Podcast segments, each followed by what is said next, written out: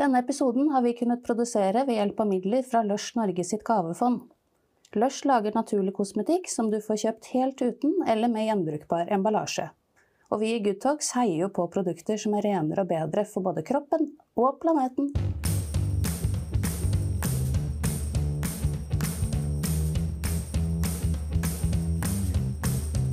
Hei på deg, Karoline Hesnes. Hei, Hanna Nord. Da er vi endelig i gang, da. Eh, håper dere som lytter er eh, ready for første episode av eh, Good Talks. Mhm. Jag måste ju säga att jag tycker att det kjennes veldig lettende nå når første delen av vår podcast faktisk er ute. Det er en miniepisod om oss Og så er det en liten trailer som man kan høre på. Og nå skal vi jo forsøke å få er som hører på til å bli hekta på mer. Det skal vi, og det kommer vi til å klare også, tenker jeg. Lett. Det er jo ganske naturlig for oss å starte opp denne serien med å introdusere er som hører på til eh, GoGood-universet som vi tilhører. Ja, og i dagens episode så skal vi bl.a. snakke om interiør, eh, nærmere bestemt om sirkulær eh, bruk av møbler og utleiesystemer. Men vi skal også snakke litt om andre ting i Good Talks-universet, Hanna. Mm. Vi har jo tatt en god prat, som vi kaller det, med multigründer Preben Karlsen som bl.a. holder håller på å introdusere møbler på abonnement for Norge gjennom noe som heter Goodworks og Good Living. Og han og de andre i GoGood ønsker å gjøre ombruk sexy og enkelt. Ja, det er skikkelig kult. Eh, Og som jeg sa, så handler denne episoden om interiør. Og da er det også en idé å kanskje snakke litt om de temaene vi kommer til å ha videre i de neste episodene våre i denne sesongen også. Mm, det er en god idé. For å ta den korte versjonen så har vi laget fem ulike hovedkategorier som vi følger i de her sesongene framover. De rör sig runt plast, eh, interiør, interiör, livsstil og samfunn. Og så innenfor de her store kategoriene så finner vi temaer som vi syns er interessante, og forhåpentligvis også ni. Der vi har funnet flinke folk som prøver å løse de her problemene på de temaene. Ja, for det er jo også veldig komplekse temaer, og det kommer til å være masse å snakke om og ta for seg. Oh ja. Eh, Og vi er da opptatt av å løfte både folk, eksperter og ildsjeler annet, som jobber med eller har en grønn og inspirerende livsstil, og som har mange løsninger og gode tips som gjør at vi kan lære oss mer om hva som rører seg på de ulike frontene. Mm. kanskje du, jag och de som hör på kan bli lite inspirerade till att faktiskt pröva tipsen och råden från experterna själva. Det er i hvert fall et av målene våre, og også at eh, både vi to og deg som lytter kan få ny kunnskap. Mm. Kanske vi har blivit bitte lite klokare efter att vi har hört vad experterna och gästerna har att säga. Det får vi håpe, håpe på. Men eh, for å backtracke litt, Hanna, kan ikke du fortelle litt mer om hva vi skal snakke om i akkurat denne episoden? Jo, vi skal innom en av løsningene på et av de store problemene som vi har, nemlig hodepinen avfall. Det er jo så at Norge er et land med mye bruk og kast-mentalitet, der ting kjøpes inn og kastes når vi er ferdige med dem. Det her gjelder jo også møbler. Ja, vi nordmenn ligger vel sånn på i verdenstoppen når det kommer til eh, forbruk av eh, møbler. Og Ja. denne forbrukskulturen eh, som vi har lagt oss til, er jo rett og slett et utrolig sløseri med hva vi har av ressurser. Og i tillegg så eh, skaper vi, som du nevnte, haugevis med såkalt møbelsøppel. Og dette avfallet må jo også tas hånd om, og det krever jo også masse energi, akkurat som det gjør å produsere nye møbler hele Mm. veien. Og det føles rett og slett ganske unødvendig å kaste ting når de er eh, fullt brukbare, selv om de er litt eh, slitte. Eller hva syns du om det, Anna? Eh, ja, jag tycker att det är jättekonstigt att det inte är en selvfølge att man tar vara på ting. Eh, att saker som fortsatt är brukbara bare bara blir kasta. Altså, det er jo flaks at det finnes folk som jobber med å løse de her problemene. Det er det virkelig. Eh, så i dag så skal vi snakke med Preben Karlsen, som er en av gründerne bak eh, GoGood, som vår podkast Good Talks er en del av. Og om du er mer interessert i alt hva GoGood generelt driver med, så kommer vi og Preben forklare litt mer om det senere, men du kan også gå inn og lese mer om det på gogood.no. Kjapt oppsummert så er eh, GoGood og menneskene bak GoGood eh, en gjeng med folk som er over middels interessert i ombruk. Og de prøver å lage nye og gode systemer for sirkulært forbruk i Norge. Blant annet gjennom Good Works og Good Living, som vi skal snakke mer om i denne episoden. Ja, vi skal starte med å høre litt mer om hvem startup-guruen Preben Karlsen er, og hva han har gjort i sin karriere. Han har jo en ganske imponerende portfølje, kan man si. Og om du ikke vet hvem han er, så er det bare å google. Det fins masse spennende om honom. Ja, han og flere av menneskene i GoGood har bakgrunn fra store multinasjonale foretak. Men fellesnevneren deres er at de har et ønske om å bruke hodene sine til å løse framtidas problemer, i stedet for å skape de. Mm. Det som er fint, er jo at vi nå ser endringer i trender mot mer sirkulær tenkning. Både når det gjelder materialer og måter å lage nye møbler på, men også at man tar bedre vare på det som allerede eksisterer. Jeg er enig, og det er jo noe som du er veldig opptatt av i dine andre prosjekter, Hanne. Og du har jo mhm. også allerede samarbeida med uh, Goodworks om noen prosjekter rundt redesign av møbler, og de skal vi komme nærmere tilbake til senere i denne episoden, og også i kommende episoder. Det stemmer. Men innan vi hører hva Preben har å si, så skal vi faktisk ut på gata og prate litt med folk, hva de tenker, og stille dem noen spørsmål. Dette er noe som vi kommer til å gjøre i hver episode på hvert eneste tema, så det er bare å glede seg. Hei ho, let's go! Yay!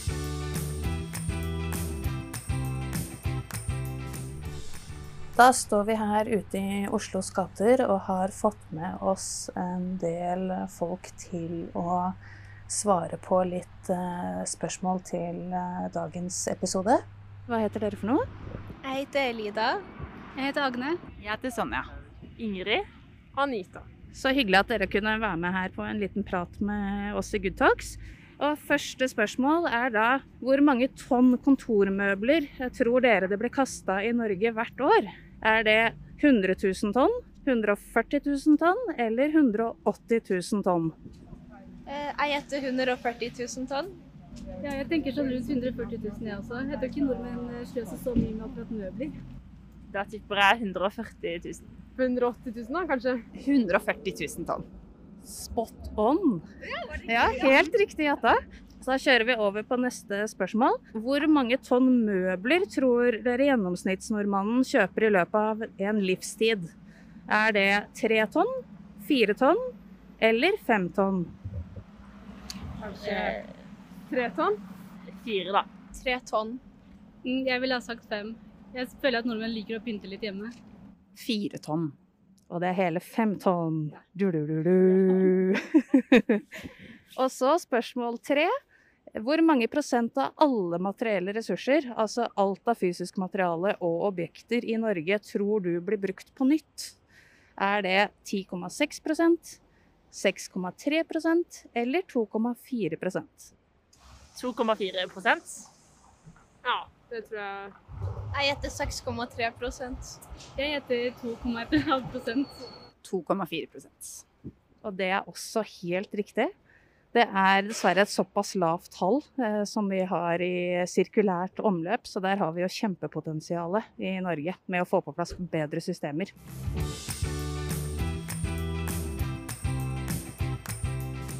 Da har vi altså fått med oss Preben Karlsen, som er CEO og gründer av GoGood, Velkommen hit, Preben. Tusen takk. Du er jo da en mann med ganske mange startups bak deg. Kan du fortelle litt om alle de eh, startupsene, og hva din bakgrunn egentlig er? Eh, det kan jeg gjøre. Eh, jeg kommer fra kommunikasjon, selv om jeg jobber med, med litt andre ting nå.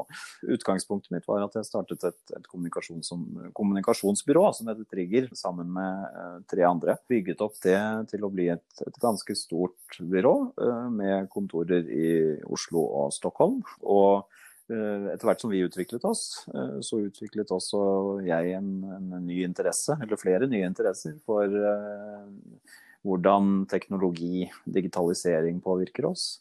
Eh, hvordan nye skifter eh, og, og egentlig liksom utfordringer knyttet til klima og miljø, bærekraftutfordringer, kommer til å endre oss. Eh, og så har jeg gradvis blitt mer og mer interessert i det, eller jeg ble det ja. på den tiden. For det, en ting var at jeg så at det kom til å påvirke kjernevirksomheten til Trigger betydelig, men det kom også til å påvirke alle kundene vi jobbet med i Ikke veldig sant? stor grad. Ja.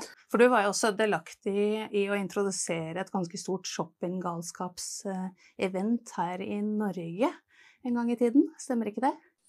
Jo, det var helt i Triggers spede begynnelse, hvor jeg har en eh, svart uh, beksvart samvittighet uh, som heter Black Friday. Hvor, uh, hvor, det var ikke vi som fant på at vi skulle ta det til Norge, men det var vi som operasjonaliserte det i form av en av de første kampanjene vi, vi gjorde i Trigger i sin tid. og det ut ifra våre målsettinger og ambisjoner på den tiden, så gikk det veldig bra.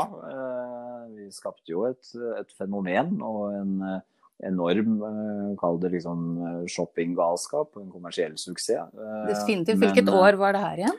2010, så det er ti år, siden, i dag. Ja. Uh, det, men det, det, det, er jo Til mitt forsvar så lærer man så lenge man lever. Og jeg syns jo at det er, det er interessant å, å, se hvor altså destruktivt den type type kall det liksom salgskampanjer er. Enten man, uh, man ser på det økonomiske perspektivet, for man undergraver jo egentlig sine egne marginer ved å selge ting på enormt uh, billigsalg. Uh, og det gjør at store deler av varehandelen faktisk taper penger på det.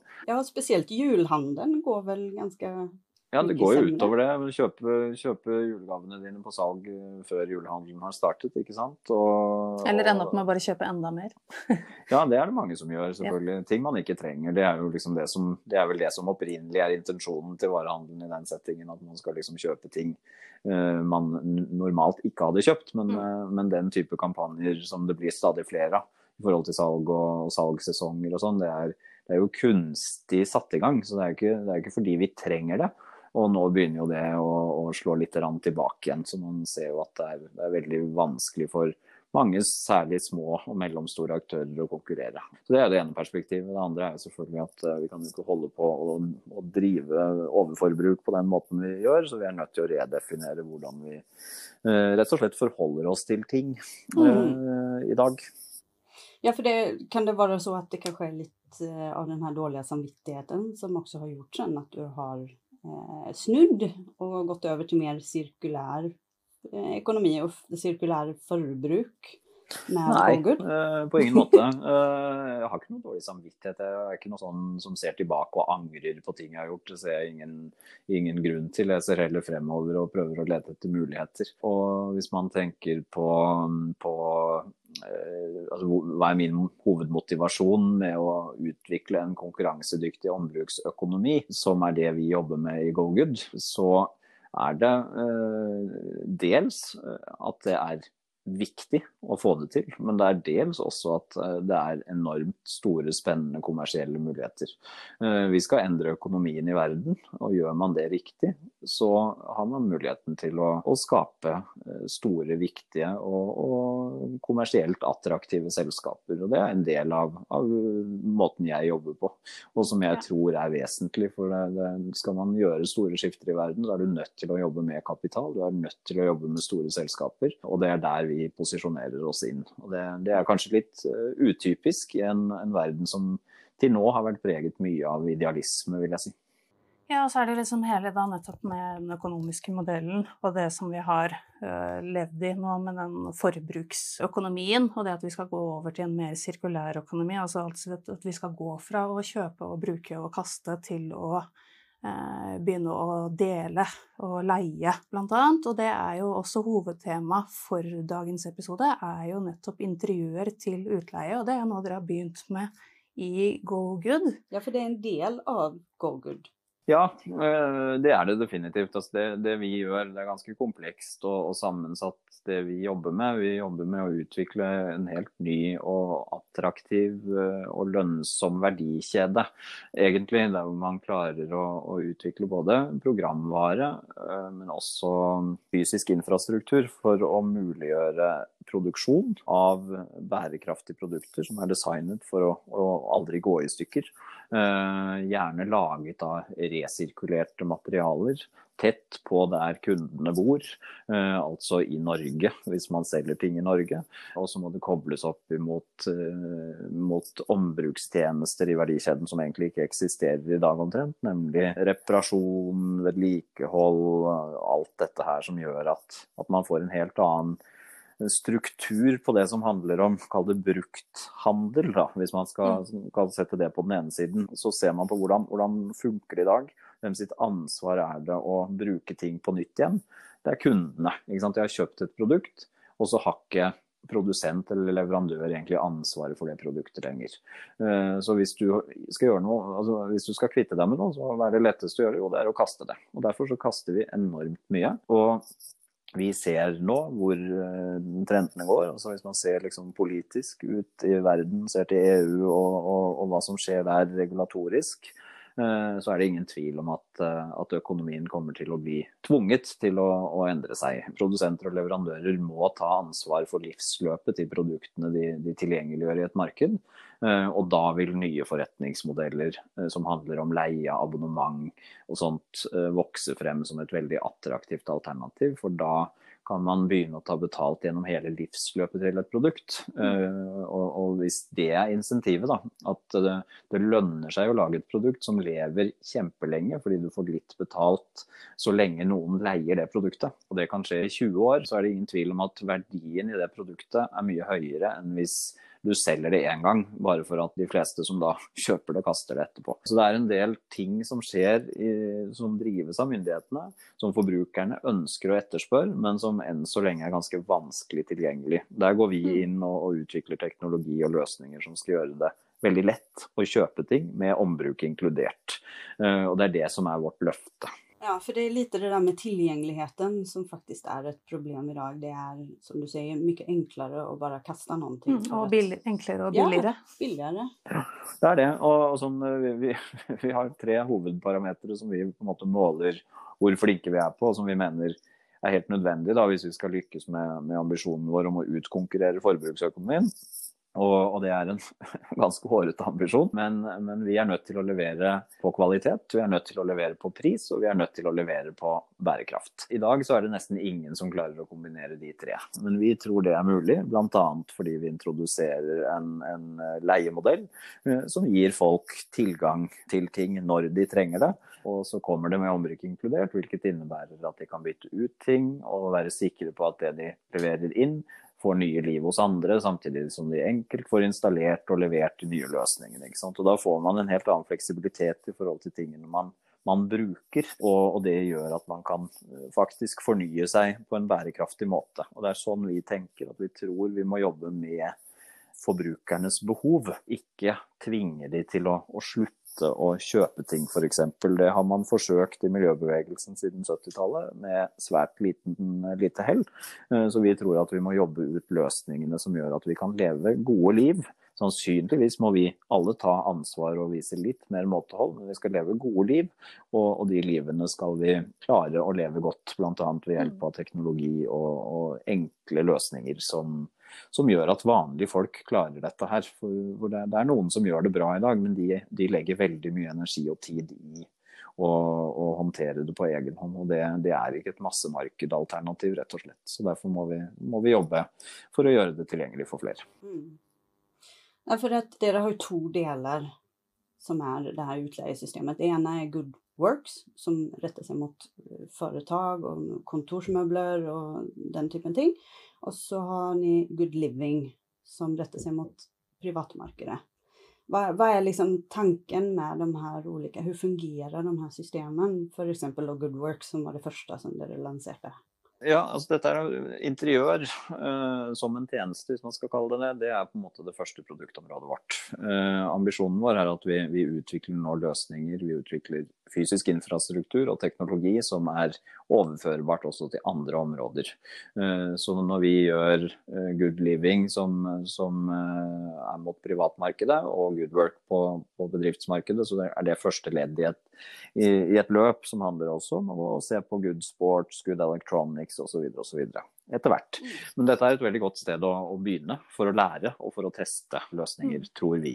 Uh, og Det er bl.a. fordi det er ganske vanskelig å innrede i dag. Altså, det er få som er kjempegode til å få det fint hjemme f.eks. Og få alle møblene man kjøper til å, å, passe sammen.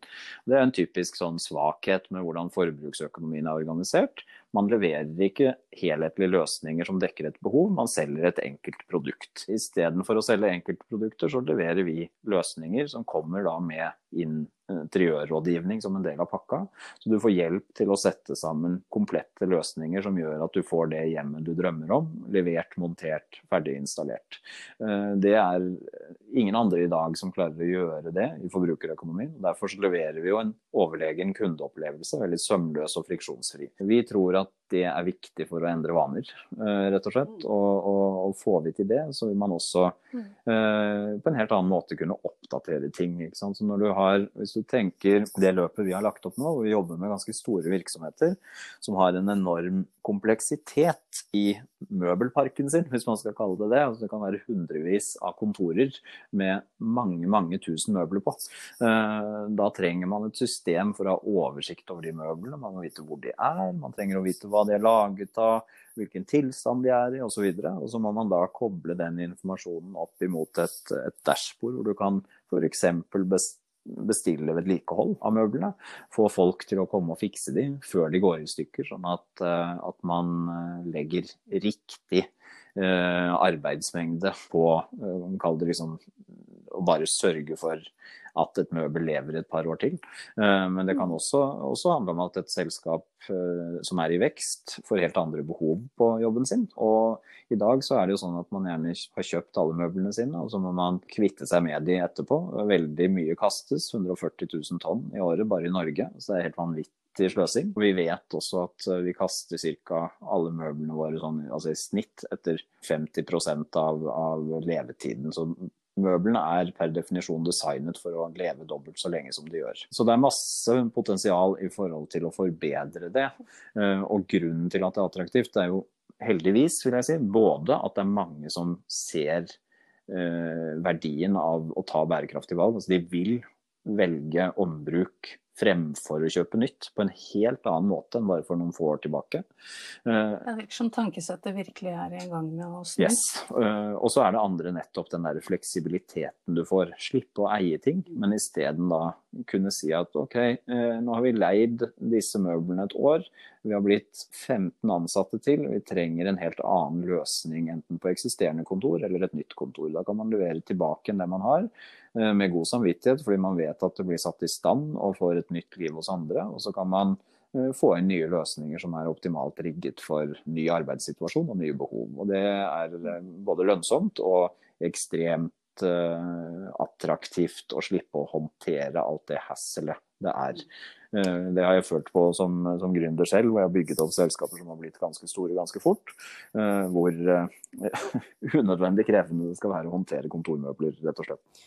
Det samme gjelder jo egentlig på, bo, altså sånn på privatmarkedet også. Man tenker at man Nei, men de fleste tenker vel kanskje at nei, men jeg vil eie mine egne møbler, og hvorfor skal jeg leie, liksom. Men er, man har jo endrede behov som privatperson også. Jeg mm. mener, du, folk får barn, de, barnen vokser, de flyttar hjemmefra, de skal ha studentbolig. altså sånn, Det fins jo ulike situationer i ditt liv når det gjelder din bolig også.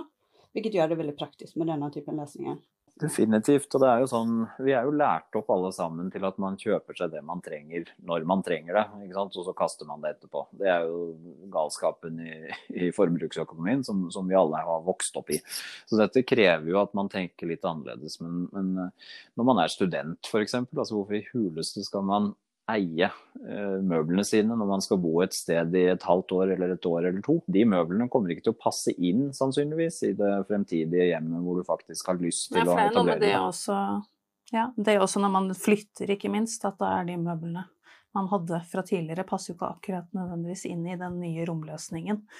eh, Og de nye målene som er på nytt bosted. Eh, Så da er det jo helt supert med den tjenesten du snakka om også, at man kan få leie inn også en interiørrådgiver eh, som kan være med og utforme eh, behovet, da, og sette sammen en pakke. Det, jeg skal flytte snart selv, jeg, så det høres jo helt eh, supert ut. Ja, det er jo en del av, det er en del av liksom den veien vi ser økonomien går i verden. Altså man, man går over fra en, en produktbasert økonomi, hvor du kjøper enkeltgjenstander og, og må på en måte håndtere de selv, til en økonomi hvor egentlig produktene bare er en, en del av en tjeneste. Så verdien ligger i rådene du får på toppen, hjelpen du får på toppen, alle systemene rundt. ikke sant? Og det, det er det som er eh, utrolig spennende med en sånn type tenkning. At man kan levere mye bedre løsninger enn det som finnes i dag.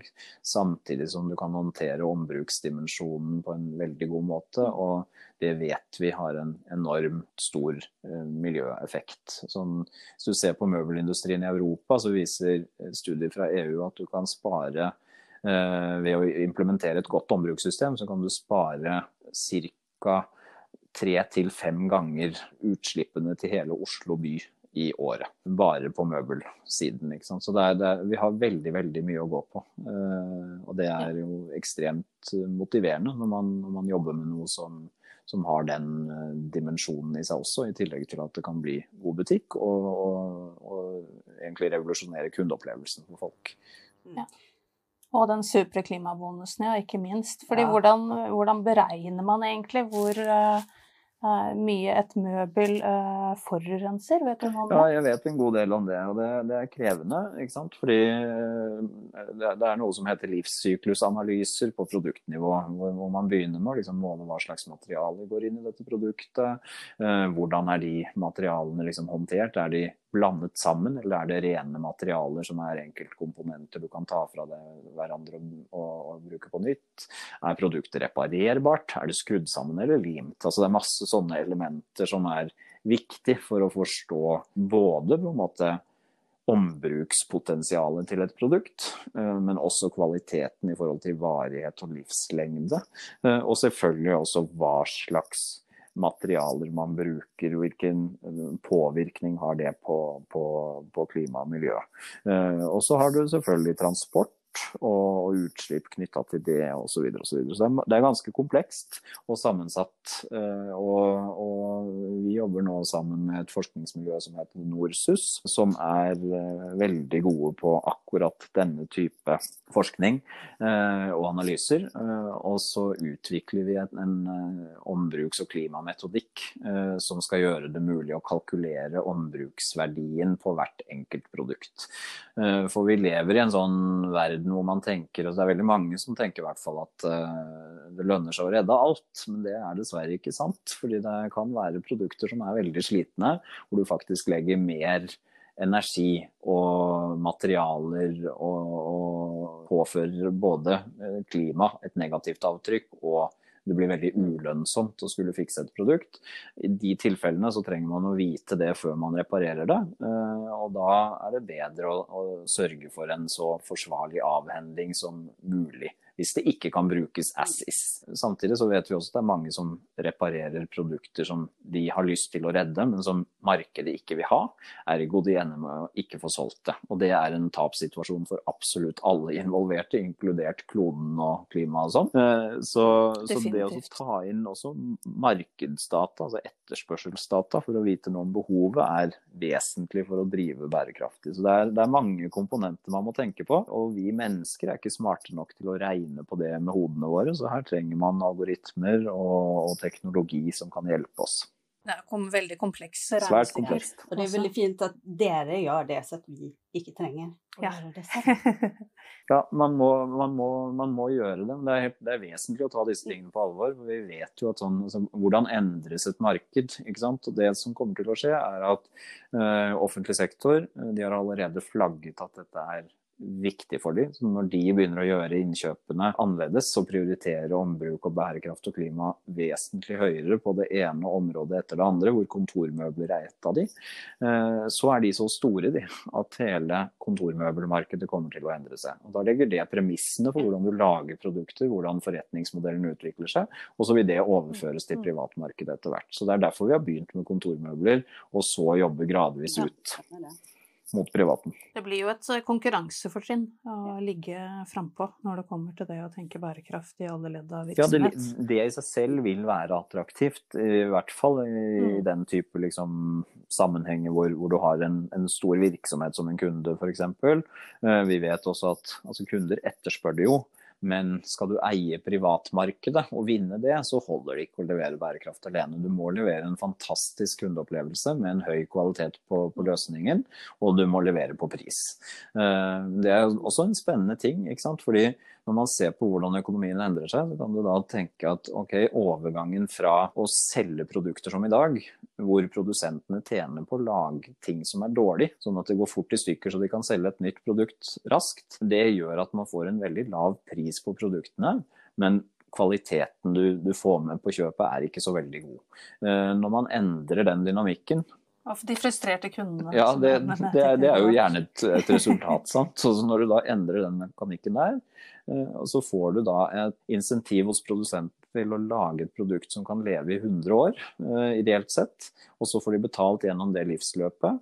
Kunden slipper et stort og dyrt utlegg. Eh, De slipper å ta forbrukslån, som veldig mange gjør i dag. Men du betaler en fast månedlig sum for å få tilgang til et veldig mye bedre produkt enn du hadde hatt råd til ellers. Og Dermed så blir det også en demokratisering av produktkvalitet og godt design, som er, kommer som en, en naturlig liksom, konsekvens av dette skiftet. Da. Så det er, det er mange gode ting som ligger i det, men vi alle trenger å venne oss til den tanken på at vi ikke skal eie alt mulig. Og Vi nordmenn er jo sånne samlere, holdt jeg på å si. Altså, jeg syns jo mini, hva heter det, minilagerbransjen, eh, som er sånn eh, Det er en gigantisk bransje som har vokst frem, hvor vi betaler hundrevis og tusenvis av kroner for å leie noen kvadratmeter for å lagre. Ja, vi både, både samler og oppgraderer Det finnes finns litt vel ofte. diverse Så- lover stående med ganske mye møbler. Ja, rundt om. Og, og det, det komiske er jo når man da betaler hundrevis av kroner i måneden for å oppbevare ting man aldri bruker, så, så har man jo et litt sånn paradoksalt samfunn som, som helt sikkert kan tenke litt annerledes i forhold til mer deling, tilgang fremfor eierskap, alle disse tingene som vi tror er fremtiden. Da. Och at vi behåller de sakene som vi faktisk eh, bryr oss litt extra om. Vi har jo et segment i våre podcastepisoder der vi spør gjesten om hva de har for noen ting. Antingen et plagg eller et møbel eller en gjenstand som de tar litt ekstra godt vare på. Så Ja. da tenkte vi å spørre deg hva Et innslag som vi rett og slett kaller love story. Love story. Så det er gjerne noe som ikke står bortplassert på en eller annen låve Mm. eller eh, et eller annet lager, men som man har i hjemmet sitt eller har på seg. Mm.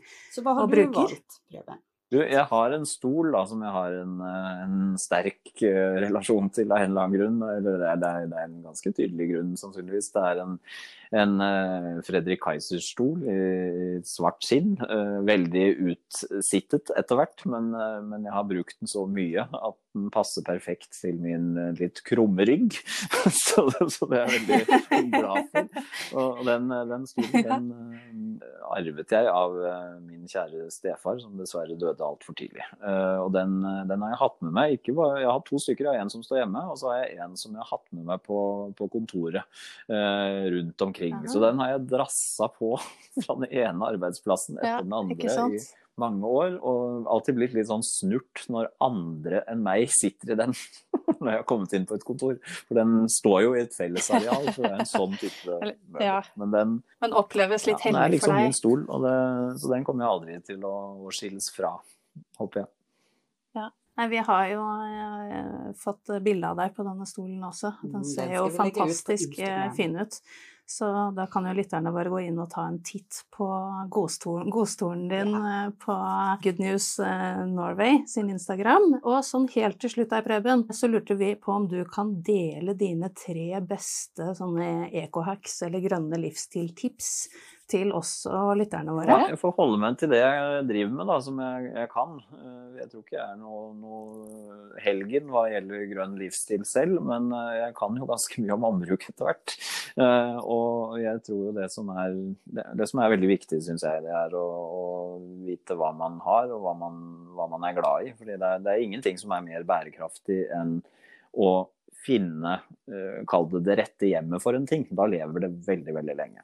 Eh, Og Derfor så må man huske på, på det, se verdien i det man har, se hvordan det kan brukes inn i nye løsninger. Og Det er også det første vi gjør når vi går ut og leverer ting. Så spør vi alltid hva har du fra før? Og så må vi få det til å passe inn i en miks med nye, eh, riktige ting. Da. Så det syns jeg er vesentlig. Det er jo også viktig, tenker jeg, s- bidra til å bygge opp under liksom, ny økonomi eh, med reparatører, håndverkere alt som liksom spirer og gror innenfor den verden der. Det er litt vanskelig tilgjengelig ennå, men det kommer. Eh, og det å, det å begynne å, å vise at det er, det er noe flere vil ha, og bruke litt tid på det, bruke, bruke forbrukermakt rett og slett for å, å få det til, det er viktig. Og så er det også viktig å velge bort de ordentlig dårlige alternativene, sånn at man ser i markedet i stort at det er en dreining. For det er det som i kombo med reguleringer fra myndighetene kommer til å, å skape de store skiftene i, i næringslivet. Det siste er jo å lete etter små, spennende startups, rett og slett. Jeg vet det er mange som jobber med disse tingene. Og det, det er ikke så lett å, å jobbe med ny økonomi, nye forretningsmodeller. Alt må endres. Så det er, det er store oppgaver som, som må gjøres. Og, og det er viktig å støtte de eh, små heltene der som går foran og jobber hardt. De kommer til å bli store en dag, det er jeg helt sikker på.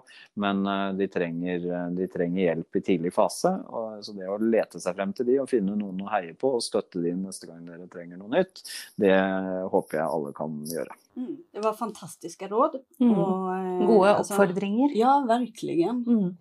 Nu rinner tiden ifrån oss som vanligt så att eh, vi får säga tack så hemskt mycket för en väldigt god I like måte. Hyggelig å snakke med dere. Og så snakkes vi igjen, helt sikkert. Ja. Keep up the good work. Ha det. Ha det. Ha det!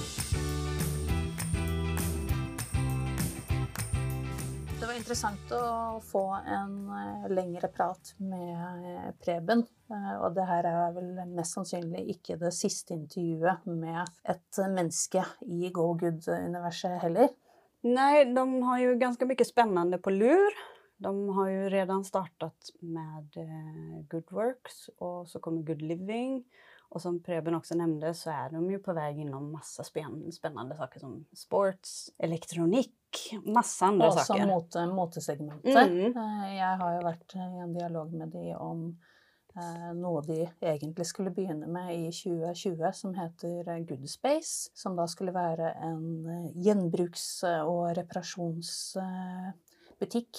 Og eh, også med utleiesegment når det kommer til mote og tekstilvirksomhet, men det er foreløpig satt på hold pga. Eh, korona.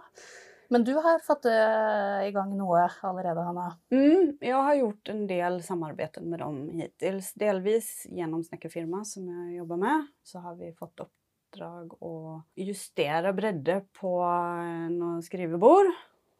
Ganske stort oppdrag for Oslo kommune. Og sen har jeg också gjort en del mindre möbel, redesign möbeluppdrag för dem. Delvis til en episode av et tv-program som kommer på NRK 2021. Yes. Det har, og det TV-programmet har eh, en eh, treffende og fengende tittel som er eh, Sløsesjokket. Ja, Og jeg er veldig spent på å få med meg den, den serien. Altså, jeg gleder meg masse til det kommer. Ja, det gjør jeg ja. Alltså jag tänker att det är ganska fint att försöka få upp ögonen för det här som vi håller på med som, som är ren slöseri. Som de säger. på nippet til galskap. Ja, det är ju det. Alltså, Stormannsgalskap. mm, det är alltså bara att se på, på tallet att vi genomsnittsnordmann beregnes å liksom eh, forbruke fem tonn møbler i løpet av sin livstid. Altså fem tonn møbler, det er utrolig mye. Og selv når vi snakka med folk på gata, så var det jo flere av de som klarte å, å gjette riktig Mm. eh, på de tallene vi presenterte. Men det er jo likevel rett og slett sjokkerende. Og ved at, at vi da begynner å leie i stedet for å eie, Mm. så kan vi jo få redusert denne mengden med avfall som hver og en av oss er med på å produsere i løpet av et livsløp, med ja, betraktelig mange kilo, om ikke tonn. Mm. Ja. Og det er jo dritgøy eh, å tenke på. Ja, Absolutt. Men hva tenker du Caroline efter det vi har pratet om med, med Preben? Hadde du kunnet tenke deg å abonnere på møbler? Jeg tenker at jeg absolutt uh, kunne gjort det. Uh, og jeg syns, uh, som vi snakka om, i- om med Preben også, nettopp det at man kan få rådgivning og veiledning til hvordan en burde sette sammen møblementet i hjemmet sitt. Jeg er jo nå i disse dager i en flytteprosess. Så akkurat nå så kjenner jeg at eh, det hadde vært så digg å få den hjelpen. Og jeg er jo i en flytteprosess, men det er også sånn at jeg ikke vet helt hvor jeg skal flytte ennå, og hvordan det ser ut der. Så det blir veldig interessant å se om hjørnesofaen min f.eks. passer inn i det hjørnet i den stua hvor jeg skal flytte til, for det er det jo ikke alltid gitt at det gjør. Og da hadde det jo vært supert om min sofa kunne blitt et leieobjekt, eh, og at jeg kunne leid for noen som trenger akkurat den type hjørne, og så kunne jeg fått en hjørnesofa som passer inn i mitt nye hjørne. Ja, og så hadde du jo også sluppet ganske mye av flytten. Ja. For det som er fordelen med å leie møbler, er jo også at når du skal flytte, så, så skulle de jo bare bli returnerte til GoGood. Ja. Og så hadde de jo forsett deg med nye på din nye adresse som passet til den leiligheten. Altså det er jo Det er så smart. Ja, det er jo masse å spare på, og det blir jo også mindre å flytte på hvis en benytter seg av en slik tjeneste. Nå er ikke Good Living-tjenesten til Go Good eh, oppe og går helt enda. Eh, Men om den hadde vært det, så hadde jeg definitivt tatt den i bruk nå. Eh, Og et av de virkemidlene vi har i klimakampen, og det å gå over til sirkulær økonomi, er jo nettopp da ikke bare å leie, men også å dele på og bruke det vi allerede har. Så når jeg har holdt på å pakke ned ting i leiligheten min nå, så har jeg også vært så heldig og fått låne flytteesker av Hanne, som du har lånt igjen av noen andre, stemmer ikke det? Jo, det stemmer. Altså, de pappeskene er jo noe som vi skulle kunne kalle for veldig godt brukt. Ja. De holder fortfarande. Eh, Helt supre er de. Det står jo mange olika saker på de der, vart de har varit, vad sakerna ska till. Det är köken, det är bord, det står sovrum och det står många saker på varje eske. Ja, godt, godt brukte, men fremdeles, som du sa, veldig godt anvendelig Mm. og delbare. Så når jeg er ferdig med de nå, så skal du eh, få de tilbake igjen. Når det kommer til å dele på og bruke det vi allerede har, så skal vi også snakke mer om det i neste episode. Eh, Den dreier seg nemlig om det å elske tekstilene sine. Mm, det skal bli veldig spennende. Jeg gleder meg. Det gjør jeg også. Tusen takk for eh, i dag, Hanna. Ja, takk for. Vi snakkes! Det gjør vi. Ha det! Hei.